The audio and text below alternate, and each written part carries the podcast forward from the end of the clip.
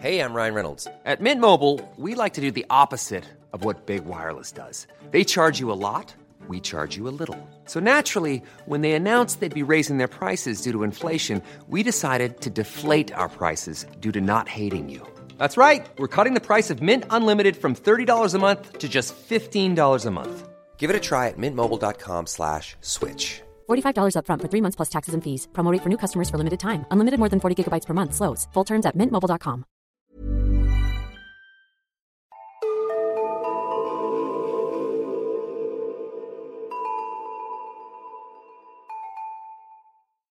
Hej och välkomna till Nära ögat, en true crime-podd för mesar. Mitt namn är Alexandra Kentsdottir. Och jag heter Amelia Ingman. Och välkomna till avsnitt 53. Ja. Och innan vi kör igång dagens avsnitt så hade jag egentligen tänkt att vi borde påminna våra lyssnare lite om vad våran tanke är kring Nära ögat True Crime-podd för mesar och vad våran definition av det är. Det är ju såklart subjektivt. Vad är mesigt för dig är kanske inte mesigt för någon annan. Men att vi då tar upp fall där våra huvudkaraktärer överlever. Och vi har fått en del feedback på att en del tycker att vi inte riktigt har rätt att kalla detta för en true crime-podd för mesar. Så jag ville att vi skulle diskutera det. Men vi har fått så himla många fina kommentarer de senaste veckorna från lyssnare som säger att de verkligen tycker om fallen som vi har tagit upp. Vilket såklart gör oss väldigt glada. Ja, och vissa av våra fall är ju brutala. Men huvudkaraktären överlever alltid. Och vi brukar ju varna när det blir hemska detaljer. Så att om ni är jättekänsliga, lyssna på de varningarna och spola fram några minuter. Ja, och sen det här är true crime. Vi kommer inte komma undan faktumet att vi pratar om brott. Och brott är oftast ganska otäcka. Men! Nu är det dags för våra två nya halvmesiga fall. Ja, mitt är inte mesigt. Mitt är lite mesigt. Kanske det bästa att du börjar då?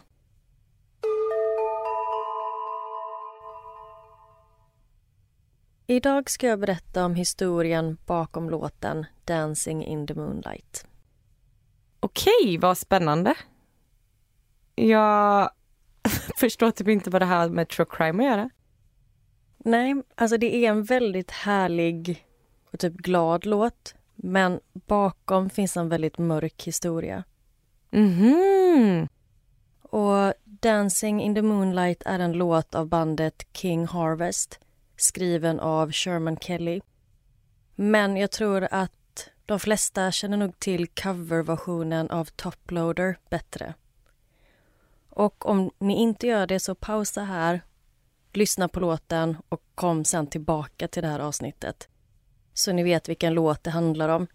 För jag tror inte jag vågar spela upp den här med tanke på copyright-lagar. Dancing in the moonlight Everybody na, na, na, na, na, na.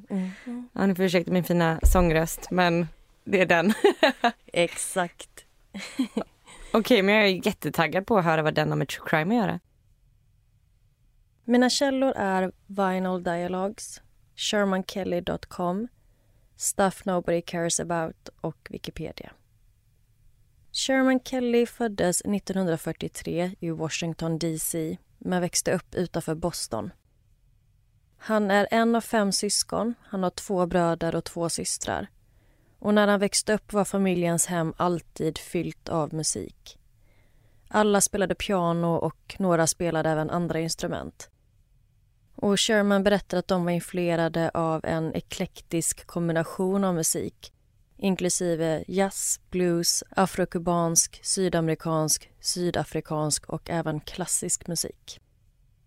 Hans pappa var professor i stadsplanering och mamman studerade piano vid New England Conservatory. Och när Sherman var sex år så ville mamman att även han skulle lära sig spela piano. Men han hade andra intressen som tog över och slutade spela piano efter ett par år. Vid 15 års ålder lärde en äldre vän Sherman att spela bland annat blues och han lär sig spela musik på gehör. Under gymnasiet och senare på Cornell University började Sherman spela keyboard i ett rock'n'roll-band. Hans första band var Oz and Ends i Ithaca, New York. Han tog examen från Cornell 1967 med en kandidatexamen i psykologi och engelska. Och Han studerade även vidare i både Paris och Schweiz. Och han gick även på New School for Social Research i New York. Sherman spelade ett par olika band i Karibien från 1967 till 1969. Under 1960 drev Sherman en nattklubb i St. Thomas, Jungfruöarna, tillsammans med några vänner. En dag bestämmer de sig för att hyra en 65 fot jakt och resa till St. Croix för dagen. Sherman hade ingen aning om att han hade problem med sjösjuka innan den här dagen men både han och hans flickvän blir väldigt sjösjuka under resan. När gruppen kommer fram till St. Croix tar de en jolle in till land för att äta middag. Men Sherman och hans flickvän är båda fortfarande väldigt illamående och känner att de klarar inte av att äta. Men de andra i gruppen går och äter middag och sen bestämmer de sig för att ta jollen tillbaka ut till båten för att tillbringa natten där. Men Sherman och hans flickvän de står i hamnen och tittar ut mot båten och ser då hur masten svajar fram och tillbaka. Och de bestämmer sig för att de ska stanna i stan över natten istället för att riskera att bli ännu mer sjösjuka ute på båten. Problemet är bara att Sherman är väldigt desorienterad på grund av sin extrema sjösjuka och märker inte förrän de andra redan lämnat hamnen att han glömt sin plånbok ute på båten och han har inga pengar eller kreditkort för att betala för ett hotellrum. Men paret går till ett litet värdshus. De förklarar situationen för receptionisten och erbjuder sig att göra upp på morgonen när Sherman kan återvända till båten och hämta sin plånbok. Receptionisten svarar då att visst, du kan stanna här om jag får ligga med din flickvän. Så de lämnar och går till ett annat värdshus men blir nekade även där. Men det där var det sjukaste jag hört. Mm, fräsch receptionist. Vad trodde han att de skulle svara? Bara, ah, absolut, gå iväg här. Nej, idiot. Men de lämnar som sagt det här värdshuset. Och då säger Shermans flickvän att det är en väldigt vacker natt så de kan lika gärna lägga sig och sova på stranden, vilket de gör. Och nu kommer en del otäcka detaljer. Sherman och Adrian somnar in på stranden under månskenet. När paret sover så dyker det upp ett kriminellt gäng från St. Croix som består av fem män. Sherman väcks av att han blir brutalt misshandlad av de fem männen. De slår honom med baseballträ om och om igen tills han tappar medvetandet. När Sherman är medvetslös så börjar ledaren i gänget att våldta flickvännen Adrian och de andra fyra männen ställer sig på kö och väntar på sin tur. De har lagt en handduk över hennes huvud och så fort hon gör något ljud ifrån sig så får hon en smäll i ansiktet. Men vad hemskt. Ja, riktig mardröm. Adrian tror nu att hon kommer bli våldtagen av alla i det här gänget och kanske även dödad. Men så hör hon plötsligt ett konstigt ljud. Det låter som något djur som ylar och morrar. Men det är Sherman som har vaknat och han försöker nu göra motstånd och slå tillbaka mot männen så mycket han bara orkar. Sherman har en arm ur led, han har flera brutna reben och flera fakturer i ansiktet. Men trots den brutala misshandeln och att han svävar in och ut ur medvetandet så lyckas han göra tillräckligt mycket oväsen för att skrämma bort männen vilket förmodligen räddade parets liv. Efter männen lämnat stranden så förlorar Sherman medvetandet igen. Han kämpar med att hålla sig vaken och tillsammans lyckas han och flickvännen att följa gatljusen och så småningom ta sig till det enda sjukhuset i St. Croix. Sherman och Adrian anses vara de första offren för det senare ökända gänget Fountain Valley som 1972 kommer att mörda åtta turister och skada ytterligare åtta personer och därigenom ödelägga turismen i St. Croix under många år. Så de hade nog väldigt tur att de kom undan med livet i behåll. Sherman berättar att han vaknar upp på sjukhuset av att en man i samma rum skriker av smärta. Till sist så tystnar mannen och Sherman hör två läkare konstatera att mannens lidande är över. Sen hör han den ena läkaren säga Vad tror du om han där? Kommer han klara sig? Varpå den andra svarar Nej, det tvivlar jag på. Och Sherman förstår att de pratar om honom. När han hör läkarna säga detta så gör det honom riktigt arg och han tänker att han ska fan visst klara det. Och såklart så överlever Sherman. Han tillbringar flera dagar på sjukhuset och efter det så åker han till Sankt Thomas där han får bo hos en vän medan han återhämtar sig. Och så småningom, när han är frisk nog, så åker han tillbaka till New York men där så träffar han en läkare som blir tvungen att bryta hans ben igen för att sen få dem att läka korrekt och även återställa benen i ansiktet och flera andra av hans skador. När Sherman återvänder till sitt hem i Ithaca, New York är han fortfarande i väldigt stora smärtor och med konstant huvudvärk. Och han klarar inte av att vara med i något band för tillfället. Så han väljer att fokusera på att skriva låtar istället. Och det är under den här perioden, när han tillfrisknar, som han börjar skriva några verser till en sång. Och de här verserna kommer sen bli texten till Dancing in the moonlight. Och han berättar att en kväll, efter att han har druckit ett par glas vin, så satte han sig vid pianot med de här verserna och skrev låten. Sherman berättar att han föreställde sig en alternativ verklighet. Drömmen om ett fridfullt och glädjefyllt firande av livet. Att han föreställde sig en bättre värld än den han just upplevt i Saint Croix och han försöker fira det positiva i livet. Och han säger att en ofattbart traumatisk upplevelse som nästan kostade honom livet förvandlades till en vacker sång. Låten släpptes av bandet King Harvest den 9 juli 1972. Det blev en stor hit. Folk gillade låten redan från början och han var väldigt glad över det. Sherman säger att det var fantastiskt men han hade aldrig kunnat tro att det skulle bli en så stor hit. Men King Harvest var inte det första bandet som spelade in och släppte låten.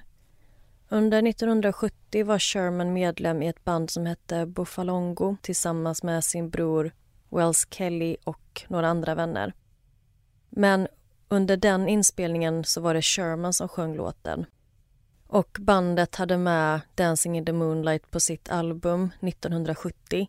Men Sherman säger själv att hans sång på den versionen av låten är hemsk. Och han berättar att första gången han var i inspelningsstudion för den versionen så hade han producenter som tyckte att det var en bra idé att ge honom kokain. Vilket han menar var den sämsta idén någonsin. För när han stod i sångbåset så var det bara massa distraktioner hela tiden. Och producenterna fortsatte ge honom mer och mer kokain för att orka spela in fler tagningar. Och till sist så tycker han att hans röst blev helt förvriden och låter jättekonstig. Men den versionen var ändå populär och Buffalongo hade en regional hit med den. När bandet Buffalongo valde att gå skilda vägar så gick Shermans bror Wells Kelly med i gruppen King Harvest. Och han introducerade då Dancing in the Moonlight för det bandet. Och de släpper sin egen version som en singel. När låten blir en väldigt stor hit så bjöd King Harvest in Sherman att turnera med bandet sommaren 1972 men under liveshowerna så var det en annan person som sjöng och Sherman var bara bakgrundssångare. Men turnélivet var inget för Sherman och han valde att bara följa med en gång under den här sommaren.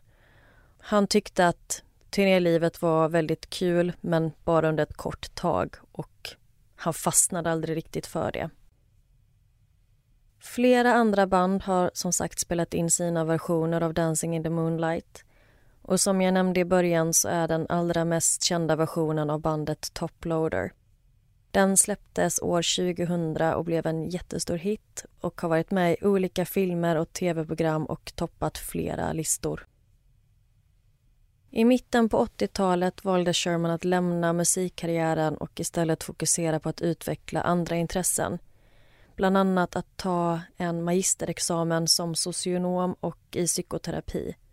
Och han arbetade i flera år som psykoterapeut fram till sin pension. Och det var berättelsen om Sherman Kelly och historien bakom Dancing in the Moonlight. Alltså så spännande. Jag hade ingen aning. Ja, kul att du gillar det. Det blev ett lite kortare fall än vanligt och lite annorlunda fall. Men jag trodde typ att alla kände till detta. Nej, jag har aldrig hört om det. När jag tog upp det med en kompis, alltså bara vi satt och diskuterade sjuka fall och kände så, ja men då kanske jag ska ta upp det i podden om ingen, om det kanske inte är så välkänt som jag tror. Jag tror inte det. Jag tycker ändå att jag brukar ha ganska bra koll. Jag har faktiskt aldrig hört talas om det här. Och det är ändå en låt som jag har lyssnat jättemycket på. Mm, den är jättemysig. Det är väldigt häftigt att han kunde skriva en sån fin låt ur en så traumatisk upplevelse. Ja, för man kan ju inte ana när man lyssnar på den för den är ju verkligen så liksom lätt och fin. Men som Sherman själv sa, han försökte skapa något form av alternativt universum efter det han utsattes för. Mm. Och de låg där under månskenet och ja, nu sjunger han om att dansa i månskenet istället. Ja, alltså man har ju hört om personer som blir utsatta för väldigt traumatiska händelser. Hur de nästan lämnar sin kropp. Och alltså hamnar i någon slags fantasivärld under tiden. Och det måste ju vara någon slags försvarsmekanism för att man ska överleva. Och det känns lite som att det kanske var det han gjorde. Ja. Men det är också helt otroligt att han trots den här misshandeln och alla skador klarade av att skrämma bort de här männen. För vem vet vad som hade hänt om han inte hade lyckats göra det? Vet du hur det gick för flickvännen? Jag försökte leta upp info om henne, men det var ganska svårt. Men i en intervju jag såg med Sherman så beskriver han Adrian som en väldigt stark kvinna och att hon hanterade detta trauma så bra hon bara kunde. Men mer än så vet jag egentligen inte. Ja, det måste ha varit så hemskt för henne. Mm. Verkligen. Men sjukt att han kunde vakna till efter att ha blivit så svårt misshandlad. Ja, och att han faktiskt lyckades göra sig av med dem, för de var ändå fem stycken. Ja, men det är väldigt intressant det här med olika låtar och true crime. För jag tänker automatiskt på den här låten I don't like Mondays med Boomtown Rats, tror jag bandet heter. Mm. Mm, jag vet vilken du tänker på. Och den handlar ju om en händelse på 70-talet. Som du kanske borde slänga in en varning för. En liten varning här. Det här är ju inte ett fall jag tar upp nu utan det här är bara en liten side-note. Så varning, det här innehåller dödsfall. Men den låten handlar ju om 16-åriga Brenda Ann Spencer som någon gång på 70-talet bestämde sig för att skjuta mot en skola. Och jag tror att det var två vuxna som dog och ganska många barn som skadades. Och när hon sen då blev tagen så frågade man efter hennes motiv och då svarade hon bara I don't like Mondays. Ja, det är ju så sjukt. Mm. Och det var ju egentligen en av de första skolskjutningarna. Och det var ju faktiskt en kvinna. Vilket är väldigt ovanligt efter det. Mm. Det är också vilken, vilket sjukt svar. Mm. Men sen så har ju då Boomtown Rats gjort också så en väldigt härlig låt som man sitter och sjunger med till utan att egentligen tänka vad man sjunger. Mm. I don't like Mondays, tell me why I don't like Mondays. Tell me why I don't like Mondays, I'm gonna shoot the whole day down. Jag kommer inte klippa bort det. Vänta, då måste jag sjunga bättre. Tell me why! Men jag har ju också ett annat exempel på en låt som är baserad på verkliga händelser. Och det är ju Sunday Bloody Sunday. Och den låttexten ska ju handla om det som hände i Nordirland, också på 70-talet tror jag. Där 13 civila demonstranter sköts ihjäl av brittiska soldater. Om du vet vilken låt jag menar. Sunday, bloody Sunday. Exakt. Ja, jag minns inte om jag nämnde den blodiga söndagen när jag pratade om Sarah Smith och det här fallet från The Puppet Master. Ja, just det. Det gjorde du nog, ja. Jag ska dubbelkolla snabbt. Det var avsnitt 46. Mm. Jag för mig att jag nämnde några händelser. Jag tror att jag kanske nämnde Bloody Sunday då. Ja. Men det är ju så sjukt intressant att höra såna här kuriosa tycker jag. För att många gånger så är det verkligen låtar man kan, man sjunger med till och så vet man inte historien bakom. Nej, precis. Det är ändå väldigt spännande när man får höra om något sånt för första gången. Och jag kan tänka mig att det är så många fler låtar som man inte har någon aning om vad de grundas på. Så om ni har några tips på fler såna här låtar som vi hade kunnat ta upp i podden så skicka gärna in det. Ja, och då får det gärna vara true crime bakgrunder såklart. Ja, där huvudkaraktären överlever. Och tipsen skickar enklast på Instagram där vi heter Närögat podd. Tusen tack för det här fallet Amelia. Det var superspännande. Tack. Och nu vill jag lyssna på ditt fall. This podcast is brought to you by eHarmony, the dating app to find someone you can be yourself with. Why doesn't eHarmony allow copy and paste in first messages? Because you are unique, and your conversations should reflect that. eHarmony wants you to find someone who will get you. How are you going to know who gets you? If people send you the same generic conversation starters, they message everyone else. Conversations that actually help you get to know each other. Imagine that. Get who gets you on eHarmony. Sign up today.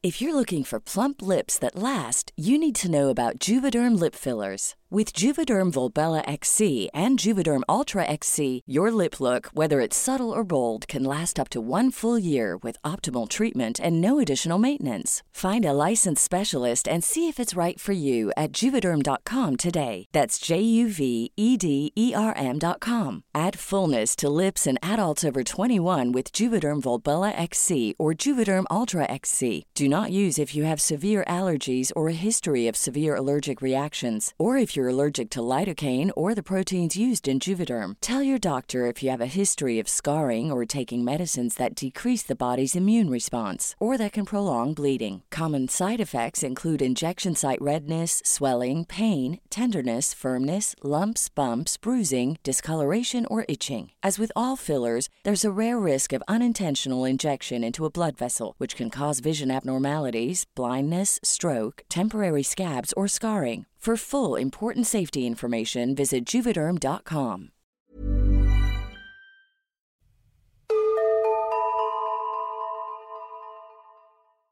Idag ska jag berätta den otroliga historien om Bell Gibson. Och detta är ett lyssnartips, så tack Karin. Mina källor är dokumentären Bad Influencer som går att se på SVT Play. Ett avsnitt av 60 Minutes Australia samt artiklar från The Mirror, CNN, Ed och Wikipedia. Bell Gibson är en ung mamma som bor i Melbourne i Australien. Och 2013 så började hon slå igenom på Instagram där hon postar hälsosamma recept och inspirerande bilder. Och en anledning till varför hon får så mycket följare är hennes otroliga sjukdomshistoria. Några år tidigare, 2009, så hade Belle ramlat ihop på jobbet. Och det visade sig att hon hade fått en stroke.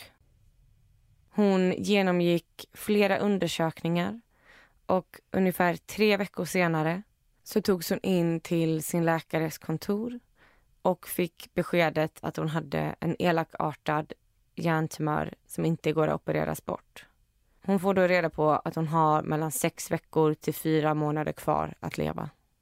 Hon läggs in på sjukhus och genomgår både cellgifter och strålning. hon blir iproppad massa mediciner. Men allt det här får bara henne må ännu sämre. Så hon säger till sin läkare att hon vägrar genomgå dessa behandlingar. Hon skriver ut sig själv från sjukhuset och börjar försöka hela sig själv genom alternativ medicin och kosthållning. Bell är väldigt inne på wellness och clean eating och att hålla kroppen ren från gifter. Hon förespråkar bland annat att man inte ska vaccinera sig och Gerson-metoden. Och Gerson-metoden innebär att man äter en strikt vegetarisk och ekologisk diet med ett starkt reducerat saltintag. Och sen adderar man också en mängd mineraler och vitaminer. Man använder sig även av kaffe eller resinoljelavemang. Och det handlar i princip om att avgifta kroppen genom att tillföra ungefär 10 kilo organiska frukter och grönsaker per dag genom olika juicer som man ska dricka varje timme. Bell börjar posta recept och hela sin berättelse på Instagram och hon får fler och fler följare. Och hennes cancer sprider sig inte. Hon lever ju. Så det här blir ju ett bevis på att hennes metoder fungerar. Och många av hennes följare är personer som själva har kroniska sjukdomar som nu hittar inspiration hos Bell. Så 2013 har Bell fått runt 300 000 följare och det går otroligt bra för henne. Hon skapar en app som heter The Whole Pantry. Och det blir ett slags community för folk som följer Bells olika metoder. Och där finns det mängder med recept och fina bilder och tips för hur man ska ha en hälsosam livsstil. Och när man köper appen så går största delen av summan direkt till välgörenhet. Bland annat till barn som lider av cancer. Och appen blir en omedelbar succé. Och Bell blir bland annat bjuden till Apples lansering av en ny iPhone i San Jose för att prata om sin app och sin resa. Och den här appen blir även en av de första som blir upplockade för att komma till Apple Watch. Och utöver den här appen så släpper Bell även en bok som är en slags receptbok som har samma namn, The Whole Pantry. Och även i den så berättar hon sin otroliga historia. I juni 2014 så lägger Bell ut en bild på Instagram. Bilden föreställer en massa rosa ballonger som är formade som ett hjärta. Och under så berättar hon att cancern har spridit sig. Hon har nu, förutom hjärntumören, också cancer i blodet, mjälten, livmodern och levern. Hennes följare blir förkrossade. Folk är otroligt engagerade i hennes resa och kan inte förstå att Bell ska behöva gå igenom det här. Så både Bell och hennes följare är nu i sorg. Trots hennes nya cancerdiagnoser så väljer Bell ändå att inte gå tillbaka till traditionell medicin. Utan hon är fortfarande övertygad om att alternativ medicin och kost kommer rädda henne. Hon säger i vissa intervjuer att hon inte kommer dö imorgon, men att hon förstår att hon är döende. Och trots hennes många diagnoser så lever hon på som vanligt och fortsätter att inspirera människor som följer henne i sociala medier. Och hon ser fortfarande väldigt pigg och fräsch ut. Men alla är inte säkra på att det här är hela sanningen. När journalisten Richard Gulliot läser om Bells inspirerande historia blir han väldigt skeptisk. Hans fru hade cancer tio år tidigare och han har på nära håll sett vad cancer gör med en människa. Och Richard har även intervjuat otaliga cancerspecialister under åren och känner att han har relativt bra koll på hur cancer påverkar en kropp. Så att Bell Gibson ska ha botat sin egen hjärntumör med att byta kost och nu hade flera cancerdiagnoser utan att ens se sjuk ut gjorde honom minst sagt misstänksam. Allt verkade för bra för att vara sant. Richard börjar nu göra gedigen research. Bell har varit med i otroligt många tv-program. Hon har varit och talat för Apple. Hon har skrivit en bok, hon har utvecklat en app. Men han kan inte se att någon har ifrågasatt hennes historia. Bells sociala medier verkar vara helt rensade från material från innan 2014. Han hittar ingenting på internet om hennes historia innan hennes influencerkarriär. Och detta gör att Richard blir ännu mer misstänksam mot Bells historia. Ja, det kan man ju ändå förstå. Att ha botat en hjärntumör genom att lägga om kosten låter ju för bra för att vara sant. Mm. Hon menar nog inte att hon har botat den, men att hon håller den i schack. Så att 2009 fick hon ju en diagnos att hon skulle leva max fyra månader. Och detta är ju fyra, fem år senare. Så hon menar att hon håller den i schack. Richard blir nu väldigt dedikerad och gör otaliga sökningar. Och efter mycket om och men så hittar han ett skateboardforum från 2009 där en 17-årig tjej utger sig för att heta Bell Gibson.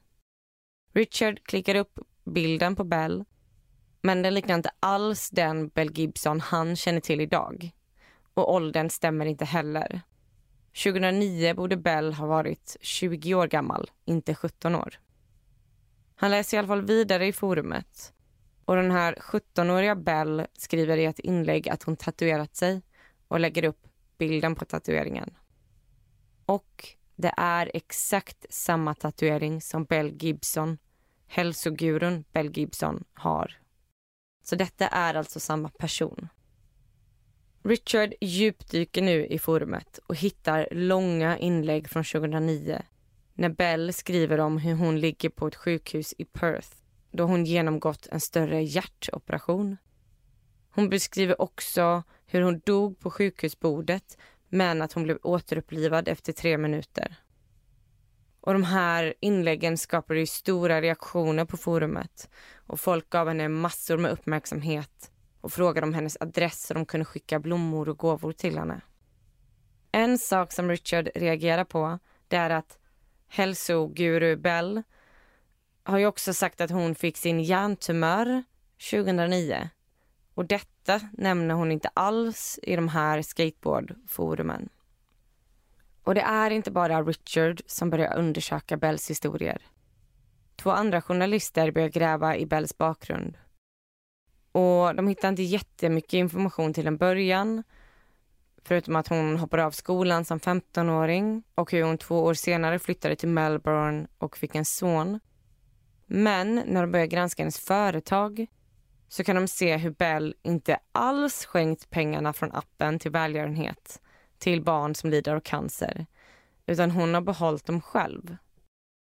Och Bell bemöter den här kritiken genom att säga att bolaget är nytt och det har inte gått så bra till en början och att allt har blivit förskjutet på grund av pappersarbeten som revisorn inte gjort. Och att hon tenderar fortfarande att hålla sitt löfte och skänka pengarna när möjlighet finns. I februari 2015 så får Richard en intervju med Bell inför att hon ska släppa sin andra bok. Han flyger till Melbourne och är väldigt spänd inför att träffa den här kvinnan han har gjort så mycket research på. De möts på ett café och det första Richard reagerar på är att Bell inte alls ser sjuk ut, utan snarare tvärtom.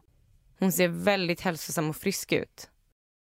Han reagerar på att hon beter sig ganska omoget och inte alls så vuxet som han trodde att hon skulle göra. Han frågar mycket om hennes sjukdomshistoria men Bell vill inte gå in på detaljer. Hon säger att hon inte minns och att det är en biverkning från alla sjukdomar hon har. Richard får intrycket av att hon är väldigt snabbtänkt och att hon justerar sin historia allt eftersom. Och när han ställer frågor om de nya cancerdiagnoserna hon fått så pratar hon bara i cirklar. Och hon börjar prata om att hon ska berätta något för honom. Något som ingen annan vet. Han är den första som ska få reda på det.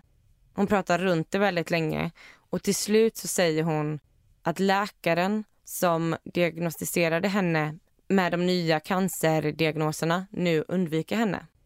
Och att hon har börjat tvivla på hans expertis. Och nu undrar hon om de nya cancerformerna som hon blev diagnostiserad med för sju månader sedan ens existerar. Richard får alltså något slags erkännande på att de senaste cancerdiagnoserna kan ha varit fejk.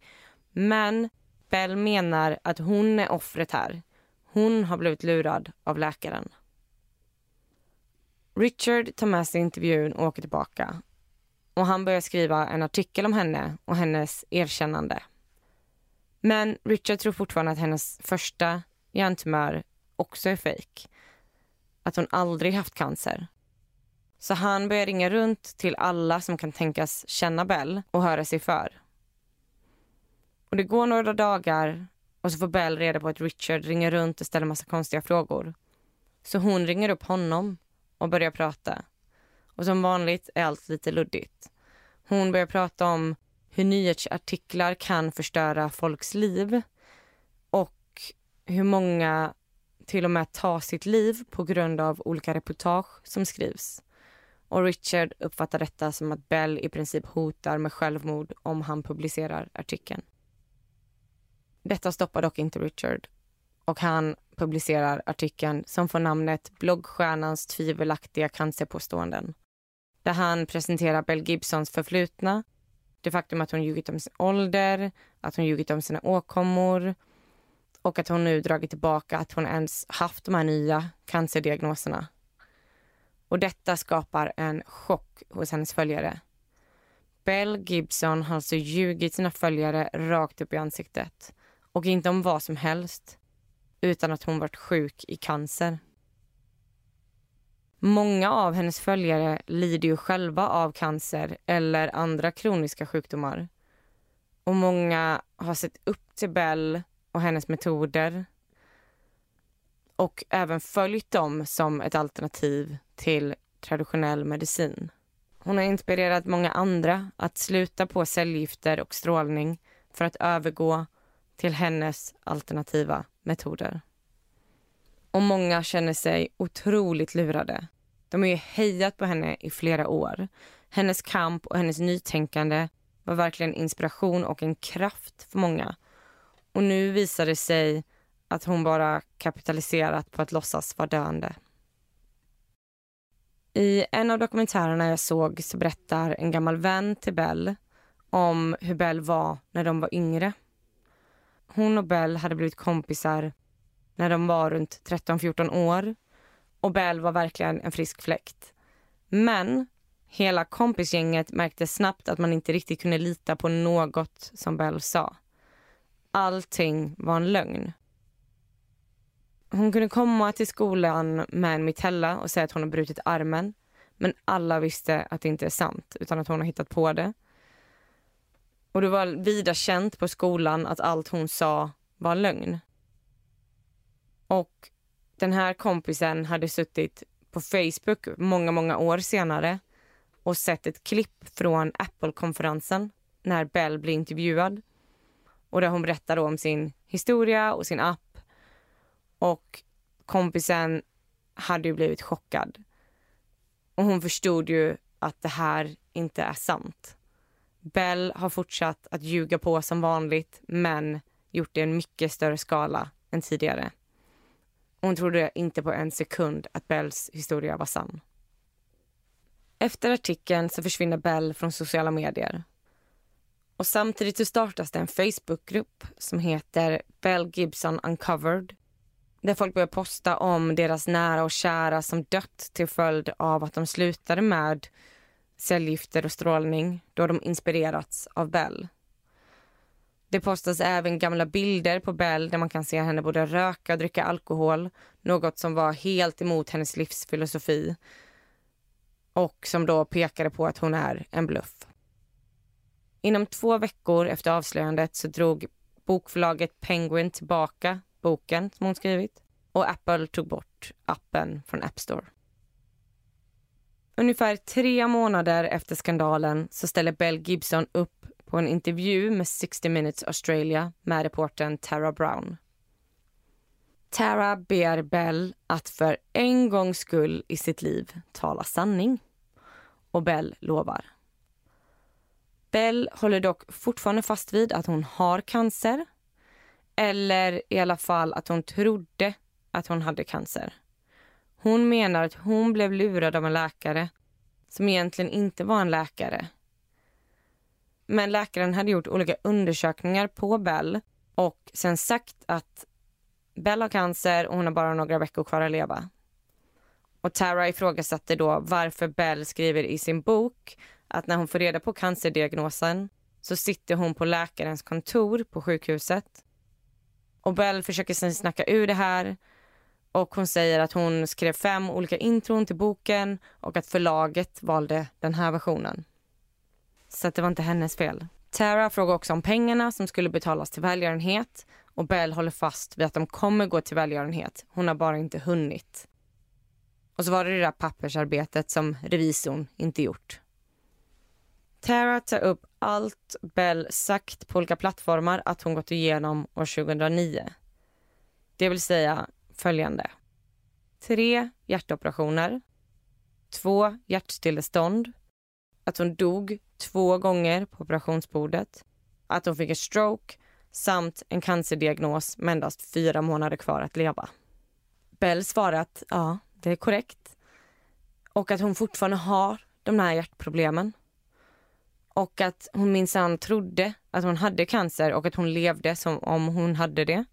Och sen säger hon också att hon var tonåring då och att hon hade genomgått ett trauma under den här tiden.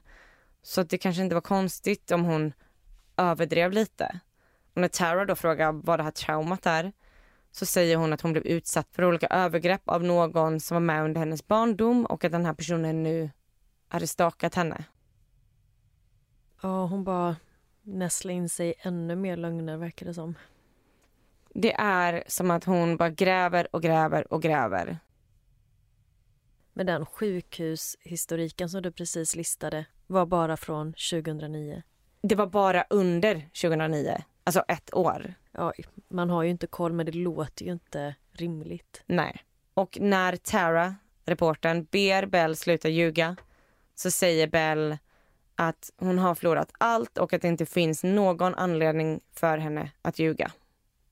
Tara frågar då hur gammal Bell är. Och Bell svarar att hon har blivit uppfostrad så att hon är 26 år idag. Och Tara ber henne då svara på en enkel fråga. Hur gammal är du? Och Bell svarar då att hon inte riktigt vet men hon tror och lever som om hon vore 26 år gammal. Tara konfronterar då henne med att hon har signerat bankpapper med det faktum att hon är 23 år gammal. Och Bell försöker då skylla det här på att hon har flera olika födelsebevis och att hon egentligen inte vet hur gammal hon är. Men som det verkar så är hon 23 år när intervjun sker. Så att hon var 17 år när hon skrev i de här skateboardforumen och att hon sen hittat på att hon är tre år äldre än vad hon är. Men varför har hon ljugit om sin ålder? Jag vet inte. Hon har ljugit om så otroligt många saker. Så det här är liksom bara en i mängden. Känns som konstig grej att ljuga om bara tre år äldre för vad? Hon är en ganska ung mamma. Jag vet inte om det handlar om det, att hon liksom låtsas vara äldre. Eller att hon ska liksom bli mer respekterad eller att hennes, alla hennes diagnoser ska stämma på ett bättre sätt. I hennes huvud är det här säkert logiskt. Men nej, jag vet inte. Och hela den här intervjun bara fortsatte med lögner. Bell berättar bland annat att hon misstänkte redan 2010 att hon inte hade en hjärntumör. Och att hon då gjorde en hjärnröntgen och att hennes läkare visade henne röntgenplåtarna som visade en tumör. Men att hon var där nu efteråt och kollade och att då fanns det ingen hjärntumör på de här röntgenplåtarna och att läkaren måste ha lurat henne. Tara och redaktionen på 60 minutes hade innan programmet bett om att få alla papper, alla sjukhusjournaler och så vidare innan programmet. Men just de här sakerna hon pratar om, det har hon inte delat med sig av. Så när de sen kollar upp detta efter intervjun så visar det sig att Tara har varit på sjukhuset hon pratar om. Men det var 2011 och att hon har röntgats men inte för att kolla en hjärntumör utan för att kolla om hon har MS. Och läkarna försäkrade henne om att allt var bra och att hon inte var sjuk. Och på de här röntgenplåtarna så kan man se att det inte finns någon hjärntumör i hjärnan heller. Så att även allt hon berättar om det här var ju skitsnack. Bell får 230 000 pund i böter för sina lögner om att pengarna ska gå till välgörenhetsdonationer. Men hon har fortfarande inte betalat av dem. Och det sista jag kunde hitta om Bell är att hon nu verkar jobba på en skola i Melbourne och att hon har kommenterat till islam. Och det var allt jag hade om Bell Gibson.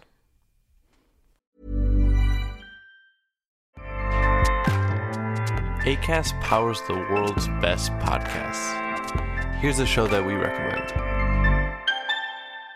The Real Housewives is a guilty pleasure for most, but if you're looking to not feel guilty about that pleasure, tune in to Everything Iconic with me, Danny Pellegrino, where I break down all the messy moments and behind the scenes antics of Bravo's popular franchise. And on Everything Iconic, I also interview celebrity guests like Kelly Ripa, Kiki Palmer, Drew Barrymore, Cameron Diaz, and more about their guilty pleasures, their past work, and so much more. So if you're pop culture obsessed and find yourself watching way too much reality TV like me, tune in to Everything Iconic with Danny Pellegrino wherever you listen to podcasts. ACAST helps creators launch, grow, and monetize their podcasts everywhere. ACAST.com. Ja, vilken konstig historia. Alla de här lögnerna för att bli känd, eller? För uppmärksamhet kanske. Jag vet inte. Och Tara, den här reporten, frågar under intervjun om Bell är en patologisk lögnare. Och då säger hon nej. Och så frågar hon om hon har Münchhausen och det svarar hon också nej på. Jag tror typ inte att hon förstår att hon ljuger. Ja, mycket möjligt. Men det låter ju helt otroligt. Men också sjukt att ingen hade ifrågasatt henne tidigare. Mm. Hon hade ändå lyckats komma undan med de här lögnerna under ganska lång tid. Mm. Jag tror att det egentligen är lättare än man tror. För att om en person skriver en artikel om dig så blir det liksom rätt snöbollseffekten på det. Att någon annan kanske citerar den artikeln, sen så hittar någon dig och bjuder in dig till tv-soffa. Sen hittar en tredje person dig som har sett på tv och skriver fler artiklar om dig. Och så blir det liksom bara mer och mer och mer. Och till slut så är hon så pass etablerad och hennes namn är överallt och hennes historia är överallt. Så att då tror ju alla automatiskt på det. Ja, precis. Speciellt hennes följare på Instagram. Ja, och jag kan tänka mig också att har man den typen av sjukdom eller liksom har fått ett cancerbesked så är det såklart att man vill göra allt man kan för att bli frisk. Och när hon då påstår att hon har överlevt liksom sitt dödsbesked med flera år varför skulle man inte vilja lyssna på henne då? Ja, och jag tror också att det är säkert svårt att säga emot någon som säger att man har cancer. Det är svårt att vara den personen som bara, har du verkligen det? Nej, för vem fan ljuger om det? Exakt, vem ljuger om det? Man tror ju inte att folk ska ljuga om sånt här. Nej. Och det som är så hemskt, det är ju att folk blev inspirerade av henne, att hon hade en ny sanning. Hon påverkar personer så att de ska sluta gå på cellgifter eller strålas. Ja, det är verkligen det hemska med den här historien. Att hon har fått personer att avbryta sina behandlingar. Ja, och det är så svårt att läsa av henne i de här intervjuerna. För att man förstår liksom inte om hon förstår hur mycket hon har förstört. Om hon förstår hur mycket hon faktiskt påverkat personer. Men hon känns ju, det känns ju spontant som att hon kanske inte kan kontrollera sina lögner i och med att hon har hållit på med det här sen hon var alltså ett barn. Men samtidigt leder det ju till så extremt ondskefulla handlingar när man lurar cancersjuka personer. Ja. Men det är ändå skönt att hon fick böter för att ha ljugit om donationerna. För annars hade hon ju inte fått något straff alls för det här beteendet. Ja, det var allt jag hade på Bell idag. Ja, tack så jättemycket för ett spännande fall. Det är svårt att förstå sig på såna här lögnare, men ja, jättespännande.